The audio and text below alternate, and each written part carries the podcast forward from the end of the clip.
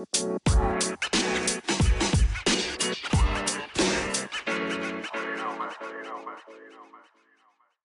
og velkommen til en ny episode til Ulvesbåten. Nytt år, nye muligheter, ny spennende gjest. Vegard Vigdenes er med oss i dag, istedenfor at jeg bruker tida på å introdusere Vegard. Kan du si litt om deg sjøl, og så litt om det vervet du har nå, om gården din, og plassere litt på kartet, sånn at vi vet hvor du blir igjen i verden. Ja, eh, takk for det, eh, Ola. Eh, jeg må først si at Det er veldig artig å bli invitert med i jordbrukspodden. Jeg har eh, hørt alle episodene, og det er mye bra folk rundt omkring. Så det er, setter jeg stor pris på. da. Nei, Jeg, jeg bor jo på, i Forrådalen i Stjørdal. Det er den gården som ligger mest, lengst fra Stjørdal sentrum. Eh, om en kan kalle det desentralt, desentralt i Stjørdal, det er jo litt, eh, litt usikker på. da, Men jeg vokste opp her på gården. og for å være litt grundig, da, så på den tida så måtte vi jo arbeide. Vi drev jo med seks-sju melkekyr og melka i sommerfjøs. Og jeg hadde jo noen av mine egne høner. og Det var aldri noe spørsmål at du skulle jobbe. Du, du, var jo med, og du satte jo pris på det. Hadde en fin oppvekst. og uh, tok vi over gården i 2005, inn i mitt 19. år nå. Og da uh, drev jeg med melkeku. Og hadde begynt å kjøpe meg en del amgeit. Og det har jeg jo fortsatt med. Eh, så kan jeg jo, for å få litt fart i det vi kan prate om, da, så kan jeg jo si at når jeg tok over gården, så eh, fikk jeg jo mye rådgivere på besøk her. Og jeg fikk jo beskjed om at farbar vei ved at, at du måtte produsere mer. da. Og det hadde jeg jo mulighet til i fjøset mitt, så jeg dobla jo kvota fra 75 til 150 tonn. Og trodde jo det var løsninga, men så så jeg jo det at uh, det ble ikke mer penger av det. og Jeg følte jo egentlig ikke at jeg gjorde noen bedre jobb heller, for det jeg gjorde var jo at jeg kjørte i dyrene mer protein. Så det som er litt spesielt med meg, da var at jeg solgte mye av kvota gjennom å fortsette å produsere på det ressursgrunnlaget som var på gården. Uh, og senere da så har jeg jo eh, tatt på meg en del oppdrag med skjøtselsarbeid i en allmenning her. Og har begynt med utleie av geiter. Og tar på meg litt oppdrag hit og dit, og det kan vi jo kanskje komme tilbake til. Men det er jo rett og slett for at økonomien i det jeg holder på med, eh, har blitt eh, eh dårligere og dårligere. Så nå er jo situasjonen den på Vignes Vestre at jeg jobber jo mellom to og to og halvt årsverk. Eh, min far han jobber jo nesten ett av det årsverket gratis. Uh, har en helt uh, perfekt jobb sånn jobbmessig, men uh, økonomien er jo altfor dårlig.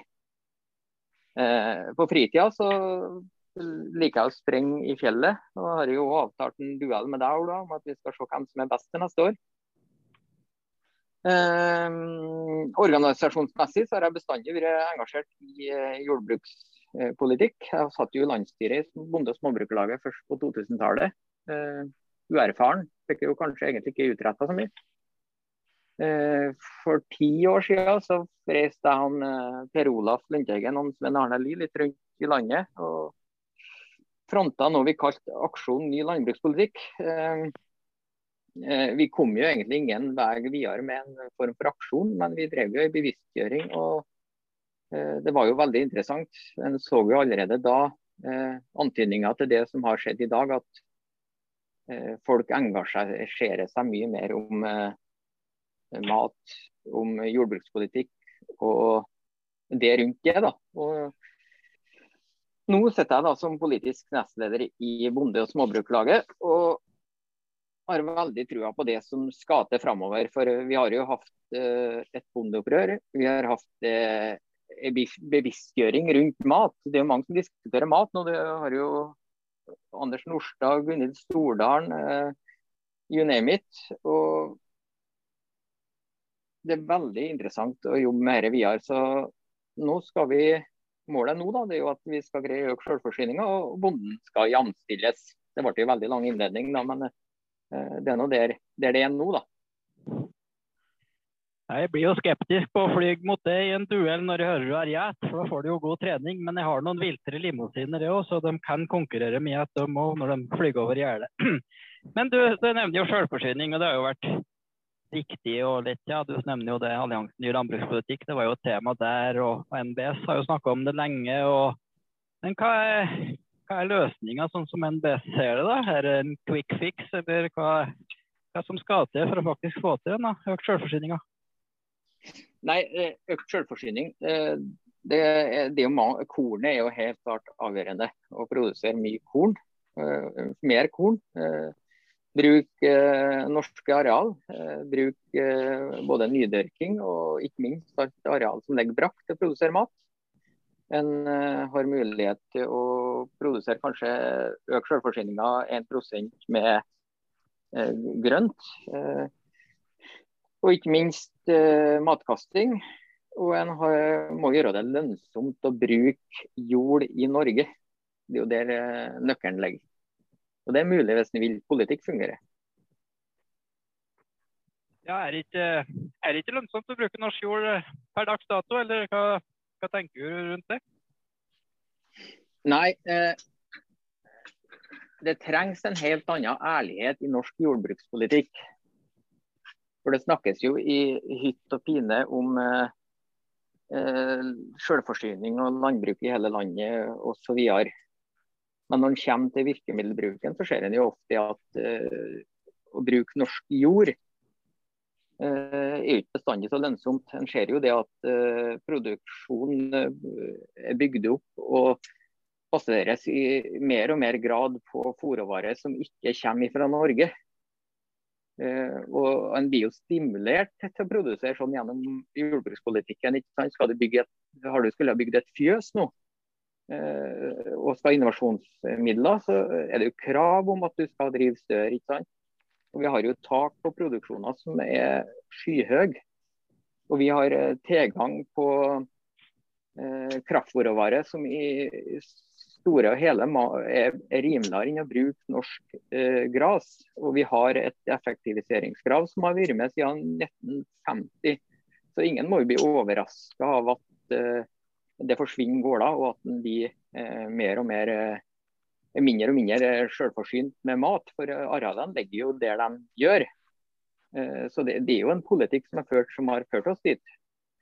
Og, og Det er jo ikke helt greit å stå for den politikken. Men da må man være ærlig på eh, uttalte mål og hva som eh, faktisk gjøres. Det respekterer jeg. Du nevner jo litt det med tak og sånn.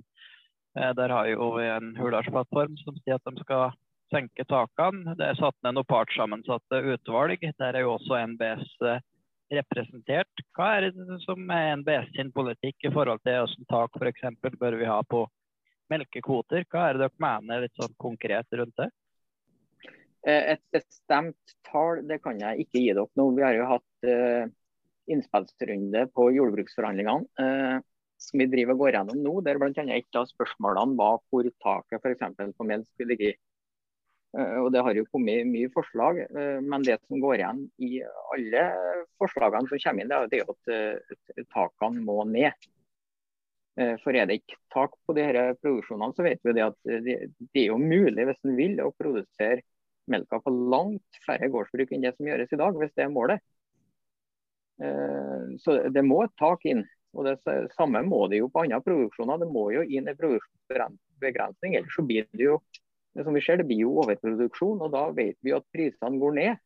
Og Det produseres mat som en ikke bruke, ikke skulle ha trengt å bruke energi på å produsere. Og det er jo ikke bærekraftig. Mm. Så ser vi et litt eksempel på i, i dagens uh, nyhet òg, med storfekjøtt som vi har ikke overskudd, da, men vi har mye innfryst. Det, er vel sånn at vi fortsatt har underskudd på storfekjøtt i 2023. Men det kommuniseres jo som at vi har store hauger med kjøtt, og det har vi jo da, riktignok på lager. Men Og Da skjønner jo ikke dem at vi setter opp prisen. Eh, hva tenker du rundt det her kommunikasjonsmessig å be om høyere pris, bedre lønnsomhet, hvis vi produserer for mye til et produkt? Ja, Det blir jo vanskelig. Det blir jo vanskelig det hvis det kommuniseres at det produseres mye og at prisen samtidig skal opp. Men det, vi, vi, kan jo heller ikke produsere for mye, men vi må være tydelige på, hvor, på den mengden vi produserer. Så skal vi kunne skru opp prisen ganske betraktelig, som vi er nødt til, så kan vi ikke ligge i en overproduksjon. Det sier seg selv, Sånn er det i alle marked. Vi kan ikke produsere for mye. Produserer en heller litt for lite, da har en mulighet til å skru opp prisene. Og Det må òg gjenspeile seg i jordbrukspolitikken. Mm. Hva er det som er liksom eh, Det skjer jo mye i norsk jordbrukspolitikk. Den du er jo inne på det. Mat er jo et varmt tema etter krigen i Ukraina og, og flere ting. Hva er det som er det viktigste for NBS uh, framover? Vi har jo jordbruksforhandlinger, vi har omstillingsplan, er mye som foregår. Hva er det som liksom dere prioriterer og mener er det viktigste framover å fokusere på for norsk jordbruk? Ja, for, å, for å si først, da, så er det jo eh, nå er det muligheter gjennom de vedtakene eller de formuleringene som regjeringa har da, med jamstilling på produksjon, størrelse og geografi. De har sagt at inntekter skal måles på nivå. Og de har sagt at det skal ses på tollen. Så Det som blir helt avgjørende fremover nå, det er jo ta tak i de store driverne. Det er jo bl.a. tollvernet. Og det er effektiviseringskravet. Og det er økte priser. Sånn at en kan bruke tilskudd til det de er tenkt til politikk. Eh, så, så, Det er det som blir det helt avgjørende. Nå, å være ærlig på hva vi vil og ta tak i de store driverne, sånn at vi faktisk eh, kommer dit. Sånn at vi får en ny kurs som bidrar til økt selvforsyning, og at bonden har godt betalt for det. Um, for det, det, som vi også da, som vi er enige med Grytten om, det er jo at snittet i dag er per årsverk, omregnet til årsverk, det er ca. 210 000. Snittet på lønnstakeren i Norge er jo nesten 600 000. Og hvis vi skal jamstilles, så er det jo dit vi skal. Så skal vi, ha, vi må jo ha en avkastning på egenkapital. Og skal vi ha det i tillegg, da, så uh, tar ikke helt feil med 5% egenkapitaldekning, så blir jo det nesten 200 000 nå. Så vi vet jo hvor vi står og hvor vi skal. Og Da må vi jo kreve og være ærlige på å kreve etter det nå. Så enkelt er det. Men eh, vi har jo en jordbruksavtale i vår som, eh, der vi har prisnedskriving på importert korn og økt prisnedskriving på norsk korn. Og du har jo en sambygning nå som var ute og tok til orde for den problematikken som er nå, at du faktisk da subsidierer de kjøttslagene med billig kraftfôr, som er billigst å, å fôre fram, kylling og svin. Og da gjør det vanskeligere å selge storfekjøtt, som vi ser redusert salg på der. Hva eh, tenker du om den biten der eh, framover, og det som sambygningen din fronta der? Vi kan ikke, eh, vi kan ikke fortsette. Maten må ha en rett verdi. Og Da kan vi ikke fortsette å skrive ned prisen på kraftfôrråvarer sånn som vi gjør i dag. Da vil aldri produktet få en rett verdi. Og eh, både, og som det var inn på den siste episoden dere her nå, så er det jo skal og sånn Fjerner den, en del av prisnedskrivinga, så er det jo naturlig. Da må jo de hvite kjøttslagene hente ut mer av inntekta si i markedet. Det er jo sånn det er. Så vi kan bare ikke fortsette å skrive ned prisen på korn og kraftfôr. Altså. Kraftfôr og kornprisen er jo helt avgjørende den for at gresset skal få en rett verdi. Det er noen sammenhenger her som er, i mine øyne er helt avgjørende. For eh, Kyllingen og grisen utnytter jo kraftfôret på en mye bedre måte enn det f.eks. kua gjør. og Skal dere kjøttslagene konkurrere mot hverandre blindt, så uh, taper jo de røde kjøttslagene glatt.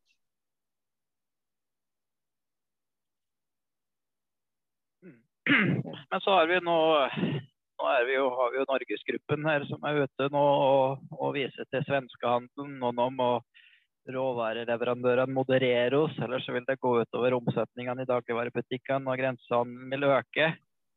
Hva, hva, tenker du om de uttalelsene fra Norgesgruppen, som jo er dem som selger varene våre på daglig basis? At det vil være litt svenskhandel, det må en regne med. Men i store hele dag så er, så er, det ikke det som er det mest avgjørende for norsk jordbrukspolitikk. Skal en følge den, øh, den logikken da, som du sier der, så skulle en jo tro at uh, svenskene handla maten i Danmark, og Danmark handla i Tyskland, og Tyskland handla korn osv. Men det er jo ikke sånn det fungerer. Uh, lojaliteten til maten som produseres i det landet folk bor, er veldig stor. Så eh, den henger jeg ikke med på. Det, vi, det, som vil skje hvis vi krever en større del av prisen på et produkt, det betyr at det bare er forflytning av inntektene, sånn at mer kommer til bonden og mindre eh, til kjedene. Kjedene vil bestandig ta det som eh, Eh, kjøpekrafta til befolkningen i landet er villig til å betale. Hvis en går inn og ser på inntektene nå til eierne av disse kjedene, der, så er jeg ikke det minste redd for at bonden skal ta seg litt bedre betalt for de produktene enn leverer.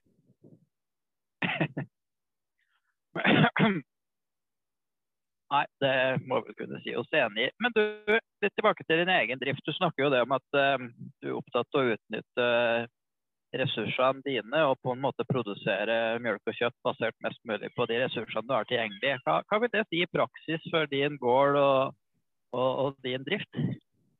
Jo, jeg, jeg, jeg, kan jo si litt mer om det òg. For at eh, når jeg valgte å, å, selge en del av kvota som jeg hadde kjøpt, eh, så var jo det litt mer i grunnlag at jeg skulle produsere på de ressursene som var her i Forrådalen. Jeg ser jo egentlig ikke skal, skal legitimere at staten skal bruke så mye penger på et gårdsbruk langt oppi en dal oppi her, så så jeg det som eneste farbar vei å prøve å produsere på det jeg hadde her.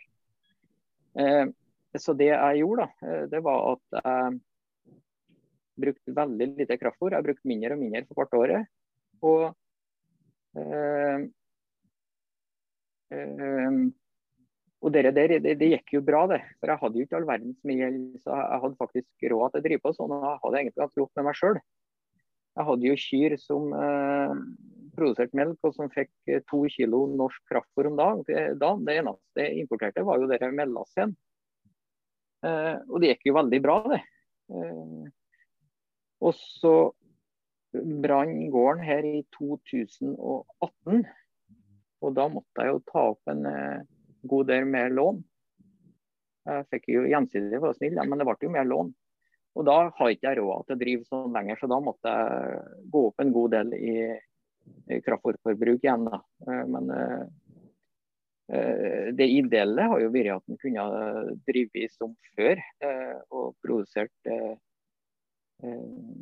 mesteparten av melka på på gress, for det er jo mulig. Jeg ble jo hele tida møtt med det at du må ha protein og må ha så mye kraftfôr og må ha ditt og datt. Men jeg så jo her at det fungerte jo helt knall for min eh, egen del. Eh, så, så, det er mulig, det altså, hvis en vil. Men da må en jo stimulere til det. Mm. Men er det òg mulig, tenker du? altså nå Vi har jo hatt med Jon Jødegård fra Tine, og det er jo flere som snakker om at eh, hvis eh, volumet går ned i melkesektoren, så blir det mindre penger igjen i lommeboka til bonden. Men vi har jo prøvd å fokusere på litt de mulighetene som ligger der. Ja, F.eks. da ha like mange dyr som du har hatt, og utnytte fjøset. Gå ned på kraftfôr, østerbære grovfôr. Eh, hva tenker du om de, at det ligger noen muligheter der, selv om volumet går ned, kjøttforbruket går ned litt, men at du rett og slett kan gjøre det på en litt annen måte? trenden nå er jo det at det går litt ned, og det kommer det fort til å gjøre. Men jeg, jeg kan godt produsere et forholdstall på 0,80 jeg bare jeg får godt betalt for det. Det er det alt dreier seg om. Jeg tror også hvis vi, hvis vi da utad kan si at ok, her har du melk fra ei ku produsert oppi den og den dalen, og hun har uh, gått i fjellet og hun har uh, på sommeren f.eks. Og hun har eh, spist norsk fôrvare og hun har godt, hatt det godt. og Det er solidarisk, det er beredskap, det er alt mulig. Så tror jeg og det er ikke noe problem å ta ut mer pris. Men i Norge så er det jo så enormt fokus på volum. Volum, volum, volum. Hvis vi tror at vi skal konkurrere mot hele verden på volum, eh, så tror jeg det er en tapt kamp, altså. Vi må fronte det vi er gode på. Vi har rent vann, vi har rent energi, vi har ren fjellbeite, vi har rene innmarksbeiter, vi har lite antibiotika. Vi, vi, vi, kan jo vise at vi, vi er jo best. Mm. Og, så Jeg har jo et sånt opplegg da, der jeg siner opp kyrne på sommeren og sender alt i fjellet. Uh, det vil jo variere fra plass til plass hva som er mulig. og Vi må jo produsere melk om sommeren. Men hadde jeg skulle hatt kyrne mine hjemme på beite om sommeren, da hadde jeg måttet bruke en del av arealet som jeg bruker til, til vinterfôr. Da. Så Det er jo derfor jeg velger den uh, løsningen som jeg gjør. Mm. Så, ja, men det må du vurdere fra plass til plass. Hvordan er, hvordan er produsentmiljøet i Stjørdal, og hvordan står det til med melkeproduksjon der? og Blir beitene, utmarksbeitene brukt der? Er det mye dyr i fjellet, både sau og storfe? Hvordan er liksom eh, miljøet rundt der? Ja, det var jo eh, for sånn når jeg tok over for 19 år siden, det tar ikke jeg helt feil, så var det 120 produsenter i Stjørdal. Melkeprodusenter. Og nå er det er vel noen og 30. Og vi har jo store utmarksareal. Vi har jo statsallmenninger på 360 000 dekar. Jeg har jo en rett ved der jeg bor her som er på 100 000 dekar.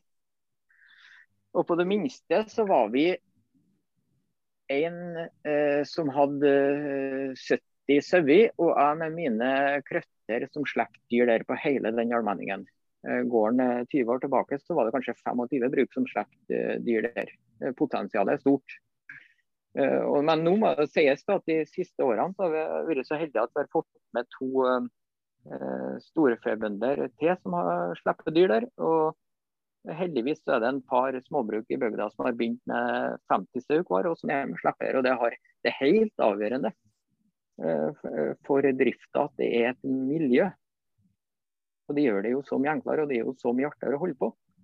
Eh, så Sånn sett er det jo positivt, da, men eh, utviklinga med hensyn til antall melkeprodusenter er ikke positiv. Men eh, vi har jo fått en del nye positive, dyktige amok-kubønder i Stjørdal som begynner å bruke fjellbeitene litt, og det er jo veldig bra. da. Hvordan er det med rovdyrutfordringer i det området? Vi har vært eh, veldig forskåna for det. Eh, Sjøl har jeg hatt en sånn regel at eh, hvert tiende år så blir det problem. Så har jeg vært borti et par år. Det ene året da eh, fra én dag til neste dag. Første dagen da så kunne jeg gå bort og klappe eh, kvigene på hodet, og neste dag så var det rumpa i været på 100 meter. og Det ene året da fanga jeg de siste kvigene siste dagen i november. Og et annet år da måtte jeg måtte jeg faktisk endte opp med at jeg skjøt noe, skjøt noen kviger. Uh, på den som kjenner uh, til dyrene borti fjøset her, så er de ikke akkurat ville til vanlig. Da. Så Det er jo noen utfordringer, men hvis du sammenligner med nord i fylket og uh, Meråker, så er vi uh, godt forskåna for at tettheten av dyr der, og vegetasjon er jo mye tettere. Så vi har sluppet det ganske rimelig unna, må si det. Jeg kan, jeg kan, jo si litt det som jeg syns er veldig spennende da, med den eh, arbeidet som har starta nå. Jeg må jo si at jeg er jo, jeg er jo stor optimist eh, på at vi skal greie å få til ting nå. Men det som har vært spesielt gledelig, da, det er jo det eh, Vi har jo fokusert veldig mye på samarbeid og allianser nå i starten på det året vi ble der nå. da.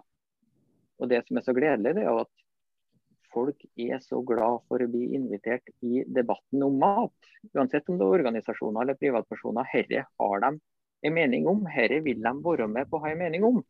Og Det blir helt avgjørende. Det skal, skal han ha en ny retning og skal han kunne forsvare at bonden skal bli anstilt, så må han ha legitimitet for det. Og Det er så veldig artig å drive med. Folk som er engasjert i helse og ernæring er engasjert. Folk som er engasjert i miljø og klima er engasjert. Folk som bryr seg om beredskap er engasjert. Folk som bryr seg om solidaritet er engasjert. Folk som bryr seg om levende distrikt er engasjert. Så uh, Det er så mye muligheter her nå. Så Det er eh, medvind, og vi, vi, skal klare å få til noe nå. Ja, merker du en holdningsendring når du, du sier jo det at du for ti år tilbake hadde jo en sånn sjau med engasjement. Hvordan er liksom stemninga, føler du, da og nå? debatten har endra seg. Eh, og den som går tilbake og ser på Facebook for ti år siden, og leser debatten da, så var han, det var en helt annen debatt enn eh, det som er i dag. Og mange av de organisasjonene vi har møtt, da, det er jo ikke at de ikke har, mening, har hatt en mening om norsk mat, men det er jo det at de aldri har blitt invitert med inn i debatten. Og det er jo helt viktig. For Hvis du ser bare 70 årene når vi har hatt jordbruksforhandlinger, så, så, vet jo dere hvor vi står hen økonomisk. Dere vet jo hvor vi står hen med hensyn til selvforsyningsgrad. Og Da kan vi ikke sitte her og si at vi har lyktes. Da er vi nødt til å tenke litt annerledes. Hva er det som liksom endrer Åssen eh, er, er det ordlyden, eller er det deltakere, eller er det budskapet, eller hva er det som på en måte er eh, forandringa?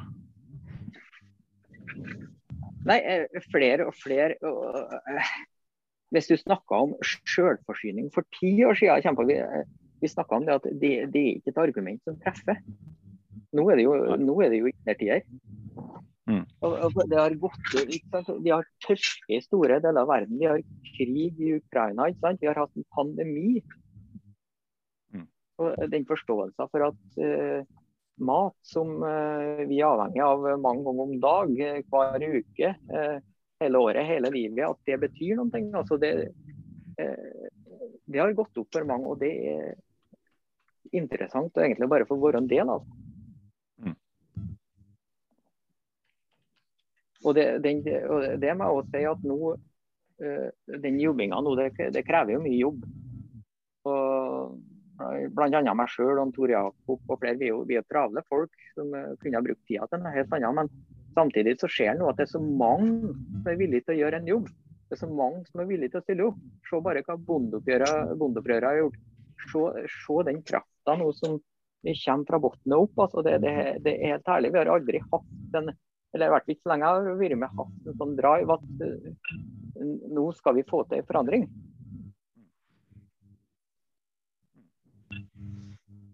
Eh, nå skulle Ola inn på, hører jeg. Nei, kjør på, Anders. Nei, altså det er jo noe med altså Når en ser tilbake i, i, eh, i forskjellige eh, blekker og så videre og jamstillingsplaner og så videre, så, så er jo på en måte pro problemet er fortsatt det samme. Eh, men det virker som eh, det er at det er flere som liksom er med og dytter i samme retningen som du sier. Da. Og det er jo eh, Og tror du er på en måte hovedgrunnen til det? At det er det Nei, altså, Er det et mer opplyst samfunn, eller er det ja, og så tror jeg, i hvert fall innad i jordbruket, så så en at det det som skjedde i 75. Den skulle ha en opptrapping. og så Dytta han mer penger inn i det samme systemet og la det fungere som før så, så ser en jo det at det fungerte jo egentlig og på sikt så fungerte det mot sin hensikt. En fikk mm. noen gode år, og så produserte en for mye, så ble det for mange bønder, så ble det mindre, og så går selvforsyninga ned, og så går økonomien ned, ned pga. overproduksjon. ikke sant? Og det der, der henger jo sammen. Mm. Så jeg, jeg, tror at en har lært det derifra nå. Samtidig så om, en, på, om, i, om i, i ei bygd om en gikk ned fra eh, ti eh, til åtte bruk, så hadde ikke så stor betydning. Men der vi står i dag, og kanskje at den går ned fra fire til én, eller fra én til null. Mm. Vi har, vi har jo ikke levende landbruk i hele landet i dag. Vi har rester av landbruk i hele landet i dag. Mange bygder som ikke har noe eh, aktive bruk lenger. Mm. Og, og, Det har jeg jo sagt for egen del, at greier vi ikke å få til noe i løpet av to år nå, så klarer ikke å begynne å skje noe, så jeg er jo tydelig på det sjøl at da begynner jeg med en annen. Altså. Og jeg er den siste husdyrprodusenten i bygda her. Jeg kan ikke bruke livet på det her. Og nå har vi fått så mange nye medlemmer. Og mange av dem er unge gårdbrukere eh, med skikkelig guts. Og mange av dem har sagt nå da, at nå vil vi ha en avklaring. Nå må vi få vite hvordan dette går. For skal vi fortsette som før, så ønsker vi å bruke livet til noe annet. Og det har jeg full respekt for. Mm. Eh, og Det er jo derfor som i dag at jeg driver med geiter og skjøttarbeid og driver og brygger opp en ny seter for egen del. For jeg har jo en plan B. Jeg ser jo det at du kan ikke fortsette å basere deg på at du skal arbeide for 100 kroner timen og ha kårfolk som gratis. Det er ikke sånn det fungerer i 2022. Nei. Mm. Men du, eh, det er jo ingen uh, hemmelighet skal til å si at uh, vi i NBS er litt delte meninger med, med produksjonsregulering, spesielt sau. Der har vi jo veldig mange produsenter. Um, og man strides litt om det med produksjonsregulering. og vi, vi i denne podkasten her har jo tatt til orde for at uh, de kommer nesten, må nesten komme sist i køen i forhold til dem som skal jamstilles, hvis man ikke ønsker produksjonsregulering. Hvordan ser du på faktisk uh, at du som sitter i styret i NBS, og at noen må da skjære litt gjennom og faktisk ta noen litt tøffe beslutninger. Og faktisk alle kan ikke være enige om det hvis de skal få gjort noe. Er det noen tanker rundt, uh, rundt det der? Jo, det, det hvordan eh, produksjonsbegrensning eller regulering det skal være på eh, det er jeg helt usikker på. Det har kommet en del eh, innspill på hvordan det skal gjøres nå gjennom eh, innspillene til jordbruksforhandlingene. Hva han lander på der, det vet ikke jeg, men at, at må regulere produksjonen for å unngå overproduksjon, det er en jo bare nødt til hvis en skal ha godt betalt for det produktet sitt. Så Hvordan lander det med hensyn til hvordan gjennomfører den reguleringa, kan jeg egentlig ikke gi noe godt svar på. For det er ikke noe som uh, styret har behandla ennå. Og så er det jo sånn at uh, det er nå dessverre sånn at uh, en får ikke gjøre alle til lags. Og det, det gjør en jo heller ikke i dag. Det er jo to hver tredje dag. Så at alle ikke blir enige, det er jo sånn, eh, det må man bare kunne regne med. det, Men det gjelder jo å ta, kjøre den demokratiske prosessen i Bonde- og småbrukerlaget som gjør at uh, en kommer ut med det utfallet som flertallet vil. Ja. Mm. Eh, du, NBS ser jo ofte litt til Europa til et par land der Sveits blir jo trukket fram ofte. Er det noen av disse landene der du har henta inspirasjon fra eller studert, eller tenker vi har noe å, å lære av? Eh, uten tvil så har vi ting å lære. og Det har vi både å lære av dem som gjør ting som vi er uenige med, og dem som gjør ting vi er enige med. Eh, det som jeg syns er veldig spennende, og et arbeid vi starter med i jeg skal utrede Bonde- og småbrukerlaget litt grundigere nå, jo det med et uh, teigbasert uh, arealsystem. Uh, det har jo vært I Norge har vi hatt disse sonene, og det har vært mye diskusjon. og Noen føler seg urettferdig behandla. Noen bor rett på feil side av grensa, noen bor på rett side av grensa. Og Der er det mulig å finne, finne på en mer rettferdig løsning. Og jeg mener et teigbasert tilskuddssystem på areal den kan legge inn både, både størrelse på teigen, hellingsgrad, hvor hen det er landet, eh, klimasone. En kan kanskje legge inn jordsmonn osv. Det vil være en rettferdig løsning. Og skal en gå over til en sånn teigbasert løsning, så er det rette tidspunktet å gjøre det i når en foretar en opptrapping. For en del av argumentet mot eh, teigbasert eh, arealsystem er jo det at mange er redd de taper på det. Men tar det under et opptrapping, så vil det heller, vil det heller si at noen kommer til å komme bedre ut enn andre. En trenger ikke begynne å ta fra folk, for det er allerede for lite penger i, i jordbruket som det er i dag. Så se på hvordan de eh, Tilbake til det, til det du, du spor om. Da, så uh, Måten å fordele uh, støtte på areal Eh, kan en lære mye fra Østerrike og Sveits. Og nå er jeg litt usikker, men jeg, jeg tror kanskje jeg fant ut det var 26 land om jeg ikke tar feil, som har allerede et sånt system som fungerer i dag. Da. Hmm. Så da burde det ikke være så hokus pokus å, å få til det her når teknologien brukes i andre land. Men det, ting har jo en tendens til å ta litt tid da, når det skal gjennom byråkratiet. Ja, dessverre. Nei, men, men det, er, det, er, mulig å få til ganske eh, fort hvis en vil. Og, og får en på plass et sånt system, så vil det òg være et en ressurs som eh, kommunen og fylket kan bruke for å bl.a. tildeling av eh, regionalt miljøprogram og UNEPIT og forskjellige sånne ting. Så jeg ser mange fordeler med å gjøre det der. Hmm. Eh, du nevner selv at nå, du er jo optimist, kanskje realist-optimist. Eh, har du trua på at vi har på plass en konkret jamstillingsplan før årets jordbruksoppgjør? Det er jeg mer tvilende til. Men det som eh, vi har gitt tydelig beskjed til politikerne, at det at vi vil ha kjørelinjer for hva vi skal kreve etter.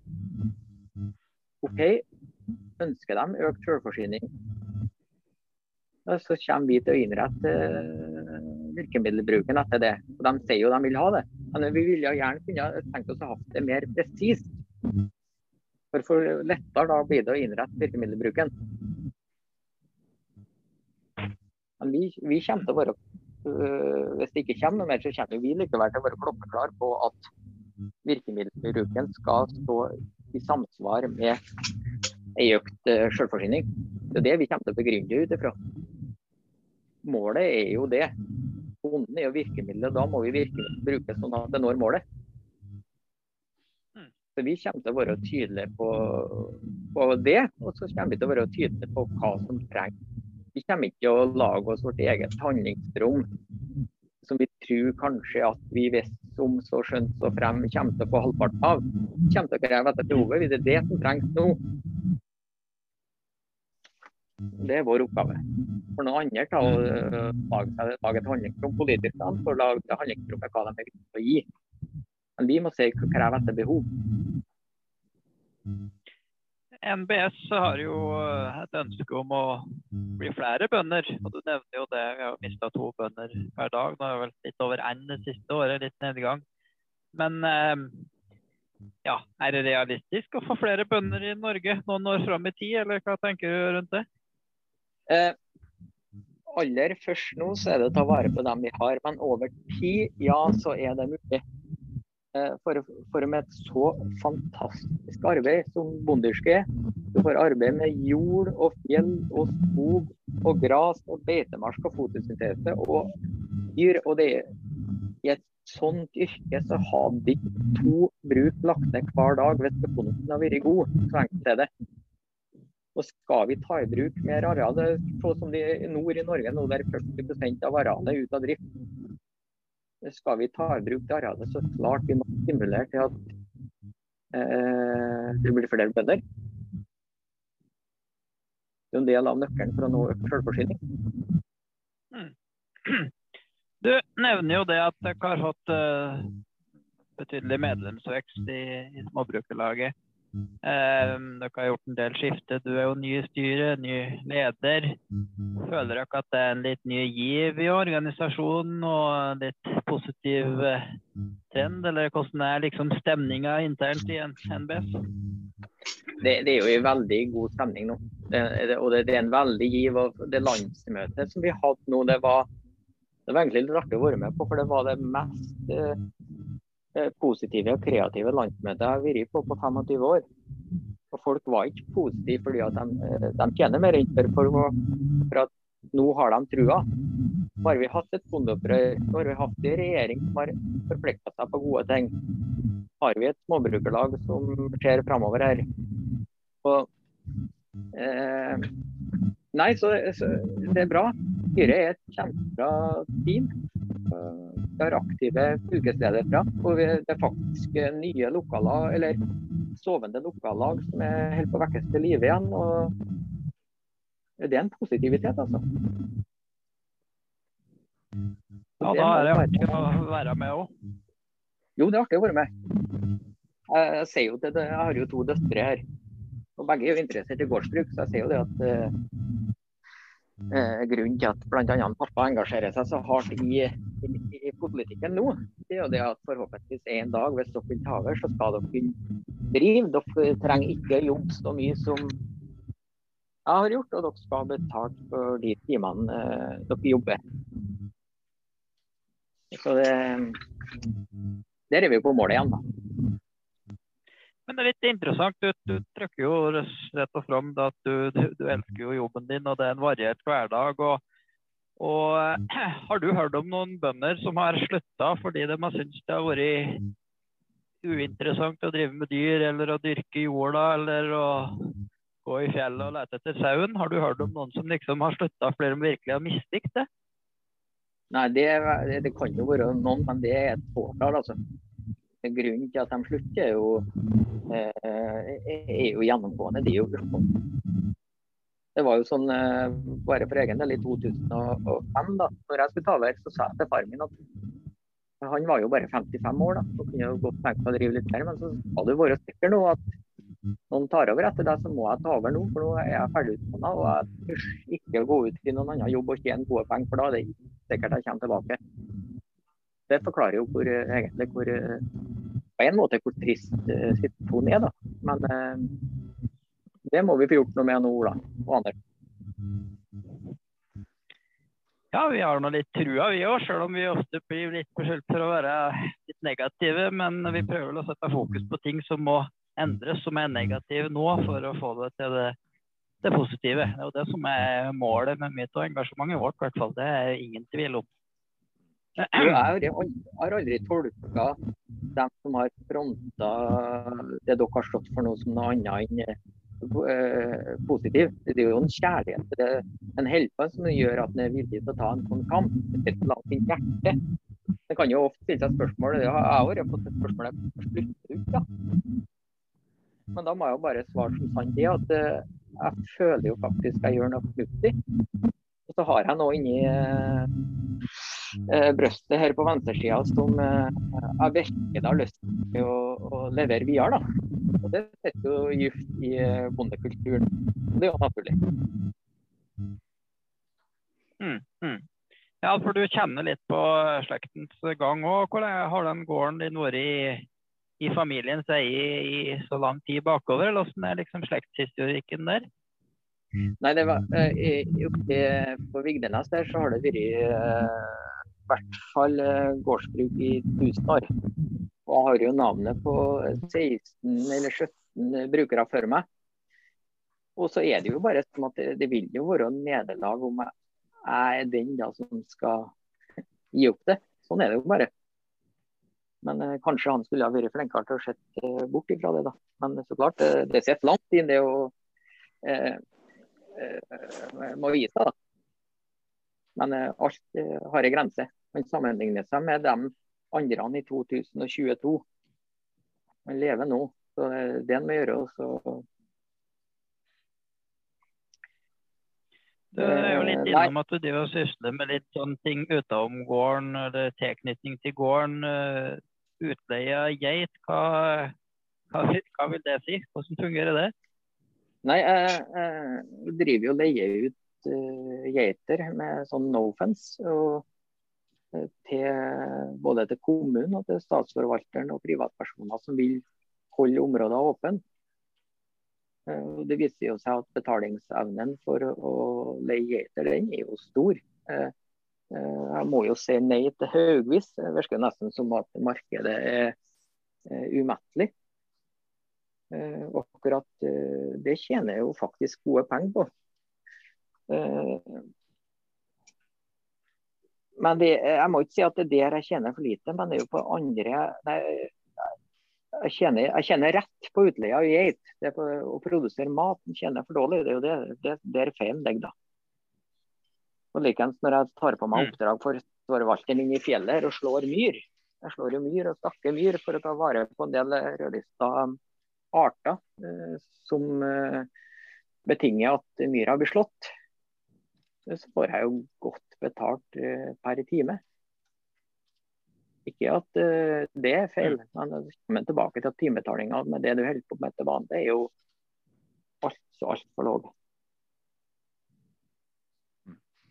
Du, du, driver jo med mjølk, og vi har jo snakka en del om mjølk i den poden her. Og vi er jo litt bekymra. Mjølk er jo litt bærebjølken i norsk landbruk. og og vi vet jo at det er en meget krevende jobb. Den mjølkebilen kommer annenhver dag eller tredje dag, og det skal brøytes og strøs, og kua skal mjølkes og installeres osv. Så, eh, så vet vi at prisen går jo ned, forholdstallet går ned. Vi vet at rentene går opp. Eh, Er det behov for et skikkelig løft i melkesektoren til våren nå? Det, det er egentlig behov for et løft. Eh, det er jo de grasbaserte produksjonene som ligger bak. Eh, I melkesektoren så trengs det jo et løft, men man må heller ikke glemme sau og ammeku. Altså for de legger, sannsynligvis enda eh, dårligere an. Da. Melkeproduksjon er viktig, men vi er nødt til å uh, få til jamstilling på alle produksjoner her nå. For at, uh, som jeg nevnte tidligere her, det er et samarbeid mellom produksjonene i de ulike grendene. og Da er en nødt til å, å få med alle produksjonene. Og Bonde- og nå ba jo om en, at budsjettnemnda satte seg ned og regna på kostnadsveksten og se på om det var mye fravik fra det som ble vedtatt i jordbruksforhandlingene i vår. Det ville de ikke, men ut ifra det vi kommer, kommer ut på, da, så, eh, og det regnskapsbyrået var det nede på Vestlandet òg, kommer, kommer fram til, så er det i de grasbaserte produksjonene så har det gått langt utover det som var framforhandla. Det var veldig skuffende at det ikke ble tatt en runde på det eh, da. Eh, for det jeg er litt redd for, da, det er jo det at det skjer det som skjedde eh, sist våren, da, jordbruksforhandlingene da. At det framstilles som det, at det var et uh, kjempegodt oppgjør. Det det var, det var at det var et stort oppgjør. For en la jo hele summen inn i en pott. Men han må jo ta med seg at det var jo tre milliarder et eller annet som var det som gikk på Eh, eller det, det, var det utenom de tre milliardene som var, var jo rett og slett eh, kostnadskompensasjon. Så de ja, Det hørte jo tingene... egentlig til forrige jordbruksoppgjør. Det er jo det, det som ikke ble kommunisert godt nok. Dette er jo et oppgjør for to jordbruksoppgjør for å rette opp i det gamle. Og så blir det kommunisert som ett jordbruksoppgjør og et rekordstort jordbruksoppgjør når det egentlig er to. Ja, og det var jo det dere og, og flere med uh, var tydelige på i forkant, at dette her må ikke stauses sammen. Men det ble jo dessverre gjort. da. Uh, så han må være mye tydeligere på hva som er hva til våren. da, Sånn at det blir en, nettopp tilbake det der med ærlighet og tydelighet. Mm. Så får, så får Men det du sier... Ja. Mm. Nei, det er veldig interessant å høre. Jeg prøver jo å få det litt rundt på limpinnen nesten der, siden du driver med mjølk. Men du er jo ja. veldig tydelig på at her, her, skal alle løftes. Det er liksom ikke er slutt på å tenke bare prioritering og at den lille potten skal prioriteres til noen. Her må alle, alle må med. Jo, her må en se på tallene, hvor de ligger an nå. Og så må en uh, sikte mot uh, den jamstillinga som da på, per i dag er på 600 000 et eller annet. Og Da må en uh, løfte uh, tøffest i bunnen, er meninga mi først, da, for at uh, alle kan ha hodet over vannet. Mm. Men at melk er viktig, det er jo liten tvil om fordi altså. Men sau og ammeku er veldig viktig nå, altså. Hva tenker du? Du er jo litt innom det her, du bor jo litt grisgrendt tre, som mange gårdbrukere gjør. Um, dyrlegedekning, den biten der. Altså når det blir færre gårdbrukere, det noen konsekvenser. Så inseminerer dyrleger, den biten der. Hvor viktig er det liksom at vi nå stabiliserer det produsentene vi har, for å liksom opprettholde de apparatet rundt bonden? Det, er jo helt, det var et litt ledende spørsmål, men det er jo helt avgjørende. Og Det gjelder jo ikke bare veterinærer, det gjelder jo andre funksjoner som er rundt bonden, og som er avhengig av at det er et visst uh, antall bønder. Og det vi, det vi, kanskje må bli flinkere til å kommunisere, da, det er jo hvor mange, eh, hvor mange arbeidsplasser jordbruket faktisk eh, genererer. Så Det har jo betydning langt utenfor næringa, bare de arbeidsplassene. Så klart, eh, Er det, er det ikke en bønder i bygd og veterinæren og det forsvinner, så er det jo en arbeidsplass til som er forsvinner. ikke sant? Så jordbrukspolitikk det er jo ikke, det er jo ikke bare bonden. Det er jo så mange andre, andre arbeidsplasser det berører. Det berører jo for så vidt hele samfunnet. Mm. Et, eh, det har jo vært en, en debatt der med dyrlegene som har mye vaktordning, jobber til ugunstige tider og syns det blir for et høyt arbeidspress. Og Det er for, for, for, for, full forståelse for det, men det blir jo litt interessant da, når de snakker om at du kanskje da jobber halvparten av helgene i et år, og det er for mye. Mens bonden da kanskje jobber 90% av helger.